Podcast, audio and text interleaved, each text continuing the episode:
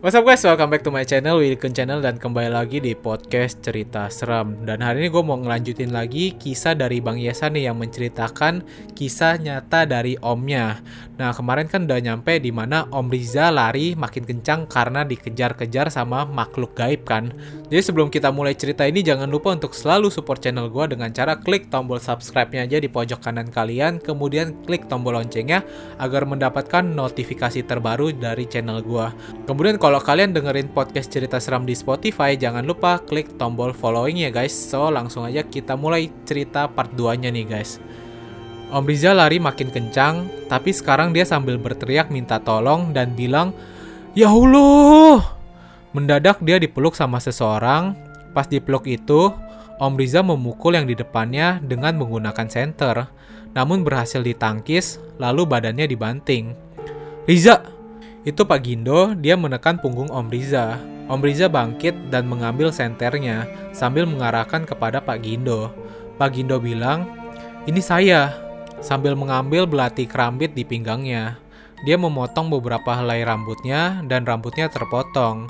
Nah untuk informasi aja, orang dulu tahu cara membedakan manusia atau makhluk halus. Kalau rambutnya terpotong, dia adalah manusia biasa. Om Riza menyeka air matanya dengan lengan jaket. Dia memegang bungkusan hitam di tangan kirinya. Pang Gido nyaris tertawa. Dari raut mukanya, dia nampak bangga dengan keberanian Om Riza. Pak Gindo langsung berkata, pegang terus. Sekarang kita pulang, ayo kita obati kakakmu. Di sini Om Riza bilang, sebenarnya banyak sekali makhluk yang ngejarnya. Dan dia berlari seakan-akan lama sekali. Bertahun-tahun, Om Riza berusaha menghilangkan traumanya terhadap hutan dan berusaha menghilangkan kenangan itu. Om Riza berasumsi kenapa dia harus pergi sendiri berhubungan fisiknya yang masih sangat segar. Selain itu, dia sudah pergi selama 5 jam. Menurut Pak Gindo loh ini. Selama menunggu, dia tertidur pulas si Pak Gindonya ini tertidur pulas menunggu Om Riza. Dan tiba-tiba dia terbangun ketika ada teriakan Om Riza. Om Riza padahal merasa hanya satu jam ketika berjalan sendirian, dan Om Riza menebak dia singgah ke dimensi lain. Tapi Om Riza sempat penasaran ketika dalam perjalanan pulang. Nah kenapa dia harus pergi sendirian? Jawab Pak Gindo, karena kamu kuat, tugasmu belum selesai. Sekarang kita harus berkelahi dengan orang yang menyerang kakakmu. Sesampainya di rumah, warga semakin banyak berkumpul, semua memohon doa pada Tuhan untuk kesembuhan Anteneri. Etek Ija telah menyiapkan satu tas anyaman bambu berisi sesuatu yang entah apa dalamnya. Kemudian semuanya diminta keluar kecuali Anteneri. Om Riza diminta untuk berada di depan pintu utama. Ketika ada keributan di dalam, jangan ada yang keluar atau yang masuk sampai saya bilang. Kalau ada yang mencoba keluar, kamu pejamkan mata tapi jangan tertidur. Tetap di posisi bersila. Tak lupa Etek Ija menyingkirkan semua benda tajam dari dalam rumah, termasuk peralatan dapur yang terbuat dari kaca. Pak Gindo masuk ke rumah, membuka sebuah gulungan yang isinya memang adalah sebuah ladiang. Nah ini adalah sebuah senjata tradisional milik masyarakat Minang. Pintu depan ditutup tanpa dikunci, Om Riza berdiri di depannya. Entah apa yang terjadi di lima menit pertama, suasana malam itu dingin sekali dan hanya ada suara-suara binatang malam. Lima menit selanjutnya, Anteneri mulai berteriak meraung. Om Riza hendak menangis, tapi dia berusaha memejamkan mata. Di sini, gambaran rumahnya itu pintu utama rumah langsung menuju ruang tengah. Rasa penasaran membuat Om Riza nekat melihat dari balik lubang kunci pintu. Dia melihat sendiri Pak Gindo bersila lalu melayang di atas permukaan tanah, sedangkan Anteneri masih berada di atas kasur. Seorang warga berkata sambil setengah berteriak, Riza, jangan dilihat! Namun Om Riza tidak menggubris, dia tetap melihat apa yang terjadi di ruang tengah. Pak Gindo terhempas ke dinding seperti sedang berkelahi. Mendadak pintu ikut bergetar, seperti ada orang yang hendak menerobos masuk. Om Riza langsung duduk bersila di depan pintu, memejamkan mata.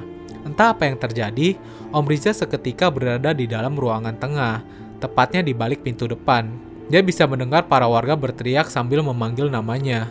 Riza, Riza, Dia pun membuka mata dan dia kaget bukan kepalang dengan apa yang dilihatnya. Di depan Om Riza ada sesosok makhluk menyerupai siluet warna hitam sedang berkelahi dengan Pak Gindo.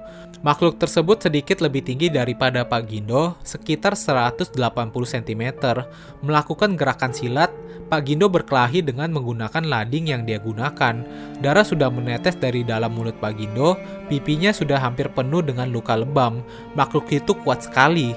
Tontonan waktu itu cukup seru, tapi Om Riza kecil tentu refleks ingin membantu Pak Gindo.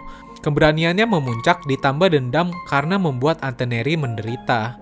Om Riza berteriak seperti orang kerasukan lalu ikut menghajar makhluk itu. Meski keterampilan pencaksilat terbatas untuk anak usia sekolahnya, Om Riza tidak pikir panjang untuk ikut berkelahi. Pak Gindo anehnya tidak mencegah Om Riza. Mereka bertarung dua lawan satu, Anehnya, Om Riza tidak merasakan sakit ketika badannya dicakar, mukanya dipukul, badannya terhempas, emosinya sudah berada di ubun-ubun. Mendadak, Om Riza terhempas ke dinding, lalu dicekik ke atas. Sesaat Om Riza bisa melihat wajah makhluk tersebut. Itu wajah manusia, tapi matanya merah menyala. Urat di dahinya muncul, kata Om Riza bercerita tentang makhluk itu. Wajah orang biasa, wajahnya nggak akan pernah dia lupakan. Pak Gindo menendang badan makhluk itu dari samping, Om Riza juga terjatuh. Makhluk itu terhempas, Om Riza ditarik oleh Pak Gindo, kemudian Pak Gindo melemparkan Om Riza ke arah pintu. Mendadak Om Riza kembali bersila di luar rumah, tapi anehnya badannya mendadak lemas. Di wajahnya ada luka lebam, di badannya ada bekas cakaran, lehernya merah seperti habis tercekik. Kepalan tangannya lecet seperti habis meninju dinding. Om Riza menghela nafas, warga yang sedari tadi berjaga langsung mendekati. Riza gak apa-apa, kata seorang warga. Om Riza bengong sejadi-jadinya, dia minta supaya semua warga mundur. Lalu dia kembali bersila sambil menutup mata. Om Riza masuk kembali ke dalam rumah, dia melihat Pak Gindo dan makhluk itu saling mencekik. Pak Gindo menendang badan makhluk itu, berusaha melepaskan cengkeraman. Om Riza bingung harus melakukan apa, dia hanya bisa menonton pertarungan ini. Namun lama-kelamaan dia geram, dia nekat menyerang kembali makhluk itu. Mereka kembali bertarung dua lawan satu, hingga akhirnya makhluk itu ditebas menggunakan lading di bagian leher. Om Riza kembali bersila di depan rumah, dia membuka pintu, menyalakan lampu. Dia melihat Pak Gindo berlumuran darah dengan lading di tangannya. Antoneris ketika bangun berkeringat melihat apa yang sedang terjadi. Om Riza langsung memeluk Antoneri sambil menangis. Uni, Uni udah sehat. Riza gak mau lagi bolos sholat, gak mau lagi bolos mengaji. Antoneri juga mendekap Om Riza. Nah perlu kalian tahu, Uni adalah sebutan untuk kakak perempuan. Sebagian warga menghampiri Pak Gindo, membantunya untuk berbaring di kamar Riza. Sebagian lagi melihat Antoneri yang terdiam, menanyakan kabarnya. Om Riza kemudian berlari ke kamar melihat Pak Gindo. Pak Gindo bilang, ini belum selesai, tapi udah aman. Dia menyuruh seseorang mengambil tas anyaman bambu yang diletakkan di ruang tengah. Kemudian dia meminta semua orang keluar kecuali Om Riza untuk berbicara empat mata tepatnya. Siang nanti sepulang sekolah, Om Riza disuruh pergi ke sebuah alamat cari rumah Pak Fadli. Pak Gindo mengeluarkan sebuah batu berwarna putih perak dari dalam kantongnya, lalu dimasukkan ke dalam tas. Tas anyaman bambu itu seukuran dompet. Tas itu berisi kerikil seperti garam. Setelah itu, Pak Gindo meminta para warga agar menyiapkan air hangat untuk mandi. Dia meminta semua warga agar sholat berjamaah sebagai ungkapan bersyukur. Saat itu Anteneri juga ikut bersolat berjamaah. Selesai sholat berjamaah, warga membawa Pak Gindo ke rumah rumah sakit. Beberapa tulang di bagian rusuk patah, betisnya memar, dan tangannya lecet-lecet.